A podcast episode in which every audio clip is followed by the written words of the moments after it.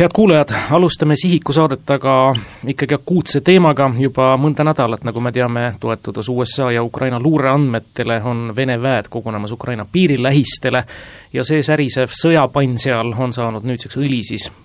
kahelt poolt juurde, nii venelaste poolt kui ka nüüd NATO poolt, kes on Venemaad hoiatanud ja muu maailm samuti ja Venemaa selle peale on omakorda esitanud deklaratiivsed ultimatiivsed nõudmised, mille kohta nüüd on vastakaid arvamusi Euroopast, kas ära kuulata, neid omavahel arutada ja kellega arutada, või kas üldse peaks agressoriga midagi arutama. meil on telefonil välisminister Eva-Maria Liimets, tere päevast! tere päevast! Kuivõrd äh, Venemaa nõudmiste seas on muuhulgas ka niisugune nõudmine, et äh, Baltimaadesse tohiksid liitlasväed tulla üksnes Venemaa loal, siis äh, mis on Eesti sõnum siinkohal, et vaevalt, et me hakkame nüüd Venemaalt luba küsima liitlasvägede kohalolemiseks? Eesti sõnum selles küsimuses on väga selge, et igal riigil, igal suveräänsel riigil on õigus otsustada äh, oma iseseisvuse üle, oma julgeolekugarantiide üle ja selliselt on ka Eesti äh, toimetanud. Ja Eesti on valinud oma julgeolekugarantiiks liitumise NATO-ga ja selles kontekstis on kindlasti Eesti ka väga tänulik kõikidele liitlastele, kes Eestis paiknevad ja aitavad tagada nii Eesti kui meie regiooni, kuid tervikuna ka Euroopa julgeolekut tegelikult on ju kogu rahvusvaheline üldsus äh, nimetanud Venemaad ja asjakohaselt ikkagi agressorriigiks, alustades juba ammustest Gruusia konfliktidest ja nüüd jätkates siis kaks tuhat neliteist Krimmi ja Donbassi äravõtmisega. miks peaks üleüldse mingisuguse agressoriga asuma dialoogi? kõlab äkki võib-olla naiivne küsimus dialoog on üks äh, võimalus ära hoida sõjalist eskalatsiooni, nii et selles kontekstis on dialoog kindlasti asjakohane hästi tähtis on siin silmas pidada seda, et äh, Venemaad tuleb üles kutsuda austama naaberriikide, eelkõige Gruusia, loomulikult Ukraina territoriaalset terviklikkust ja samamoodi austama kõiki relvastuskontrolli ja julgeoleku kokkuleppeid, mis on Euroopa julgeoleku tagamiseks peale teist maailmasõda sõlmitud näiteks äh, Saksamaa kaitseminister äh, kutsus üles karmimatele sanktsioonidele Venemaa suhtes äh, Vene vägede koondumise tõttu siis Ukraina piirile, et kas teie Eesti välisministrina ühinete Saksamaa kaitseministri ettepanekuga? siinkohal ma läheksin tagasi eelmise nädala Euroopa Ülemkogu otsuste juurde, kus liikmesriigid ühiselt leppisid kokku selles, et tuleb toetada Ukrainat, Ukraina territoriaalset terviklikkust ning samuti, kui Vene eskalatsioon peaks äh, käivituma, siis kindlasti ka vastumeetmeid Euroopa poolt kehtestama. Ja selles osas olid kõik Euroopa liidrid eelmisel nädalal küll üksmeelel Saksa kaitseminister tundub, et on siin päevade jooksul natukene meelt muutnud, Kristiin Lambrechtel alles eile ma lugesin uudist selle kohta, ütles, et NATO peaks arutama Venemaa ultimatiivseid nõu-, nõudmisi ja täna on ta siis arvamisel, et Venemaa ei saa NATO-le tingimusi dikteerida. kuidas sellega nüüd on, kas NATO on selles küsimuses ühtne, et kas me üldse hakkame arutama mingisuguseid nõudmisi Baltimaades näiteks NATO pataljonid välja viia või siiski peaks nüüd arutama, et mida Venemaa veel tahab või et äkki mingis osas leiame kompromissi ja laseme ikka näiteks gaasijuhtmel joosta ja nii edasi? Äh, siinkohal kindlasti on äh, nagu selliste keeruliste küsimustega alati erinevad, äh, erinevaid arvamusi ja infomüra, kuid kindlasti on Eesti vaates tähtis see, et NATO liikmesriikide julgeoleku üle otsustavad ikkagi NATO liikmesriigid, kolmkümmend riiki omavahel ja siin ei ole vaja küll kellegi kolmanda osapoolega midagi konsulteerida.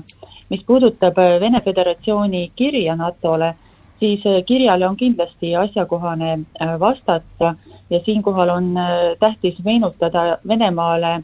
kokkuleppeid, rahvusvahelisi julgeolekukokkuleppeid, relvastuskontrolli kokkuleppeid, millega Vene Föderatsioon on vabatahtlikult ühinenud ja vastavalt tuleks ka neid leppeid täita, samuti austada Gruusia ja Ukraina territoriaalset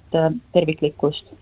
ja millisel tasemel praegu näiteks NATO suursaadikud, diplomaadid hetkel töötavad, millise lahenduse nimel, kas nad töötavad mitme plaaniga korraga, et läheme siis Venemaaga dialoogi, kas vastame nende kirjale või mingil moel võtame siis ka nende nõudmised arutada? Venemaa Föderatsiooni ja NATO vahel on loodud dialoogi formaat, selleks on NATO-Venemaa nõukogu, kahetsusväärselt ei ole see nõukogu kahe tuhande neljateistkümnendast aastast kokku tulnud ja Venemaa on ka selle Äh, NATO-poolse ettepaneku dialoogiks selles formaadis mitmeid kordi tagasi lükanud nii et tegelikult on meil rahvusvaheliselt laual võimalus, kus erinevaid Euroopa julgeoleku küsimusi arutada NATO ja äh, Venemaa vahel. kuivõrd äh, see nõukogu ei ole kahe tuhande neljateistkümnendast aastast kokku tulnud, kas nüüd neil päevil on lootust, et äh, mingi aeg see kokku tuleb? Kui me vaatame sellesse sügisesse tagasi, siis me nägime, et äh, Venemaa kutsus tagasi oma diplomaadid NATO juurest, seetõttu praegu äh, kiiret äh, dialoogi ma omalt poolt küll ei näe, kuid kindlasti see Venemaa Föderatsiooni saadetud kiri on üheks ajendiks, kus otsitakse uut dialoogi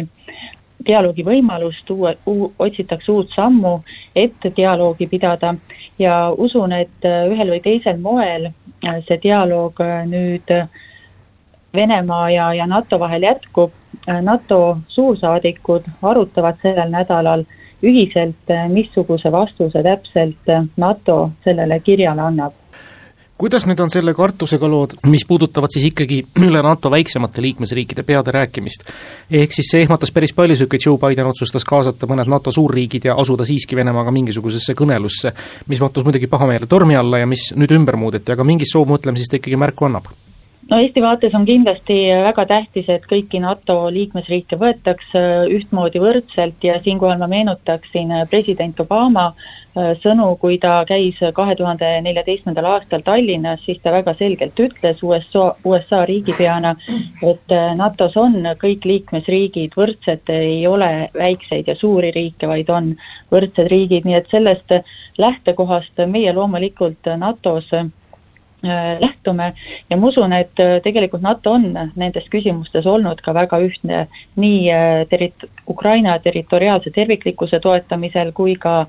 ähm, Venemaa ohtu hinnates, sest meenutan siinkohal just äsjast NATO välisministrite kohtumist, kus ühiselt sellistes arusaamades kokku lepiti ja samuti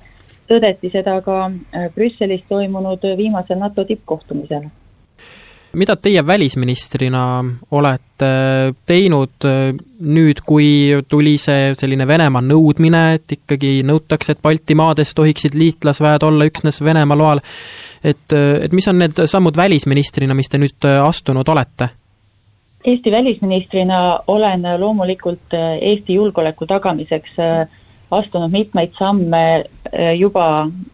oma ametisse astumisest saadik ja siin on meile olnud väga tähtis just eelkõige NATO liitlastele, oma lähimatele liitlastele kogu aeg selgitada, milline on meie julgeolekuolukord ja millistena näeme meie neid lahendusi meie julgeoleku olukorrale, et viimati külastas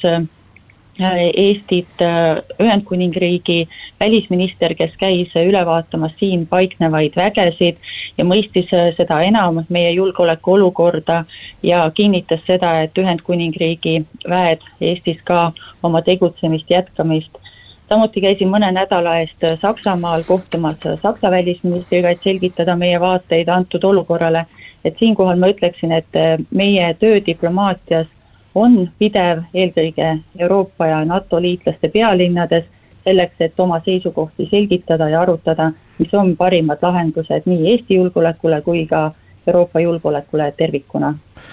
Teie eelkäija Urmas Paet on öelnud, et tegemist on absurdiga tegelikult, mida Venemaa nõuab NATO-lt, mitte laienemist, mingite pataljonide äraviimist, nuppude liigutamist ja nõnda edasi, me ei peaks isegi detailidesse minema, on Urmas Paet öelnud,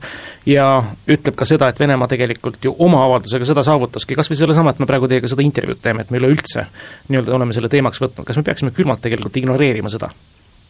millest me tegelikult praegu räägime, on mõjusfääride, äh, mõjusfääride vahel piirjoonte tõmbamine ja mis mõjusfääridest me räägime, siis tegelikult NATO on ju loodud selleks, et äh, kaitsta demokraatlikku äh, ruumi. Ja, ja siis äh, seetõttu demokraatliku ja autoritaarse maailma piiride vahel ongi tekkimas selline tsoon, mille ümber me praegu arutleme. Et siinkohal on väga tähtis, et demokraatlikud riigid jäävad ühtseks, jäävad seisma oma põhiväärtuste eest ega, ega ei laskuks läbirääkimistesse nende mõjutsoonide üle. ja kui me räägime veel, kus me et noh, teistpidi vaadates me ei ole täna ju mingi üllatuse ees, et Venemaa Föderatsiooni poolt on neid nõudmisi esitatud, võib öelda juba, et aastakümneid ja, ja selles kontekstis äh, ei ole kahjuks mitte midagi muutunud nii see paraku on ja saame siis näha, kas nüüd mingitel mõjudel ka mingeid järelmeid tuleb ja, ja mis suunas nüüd NATO edasi tegutseb, jääme kindlasti selle avalduse sisu ootama. aitäh teile saatega liitumast, Eva-Maria Liimets, hea välisminister! aitäh, kena päeva jätku!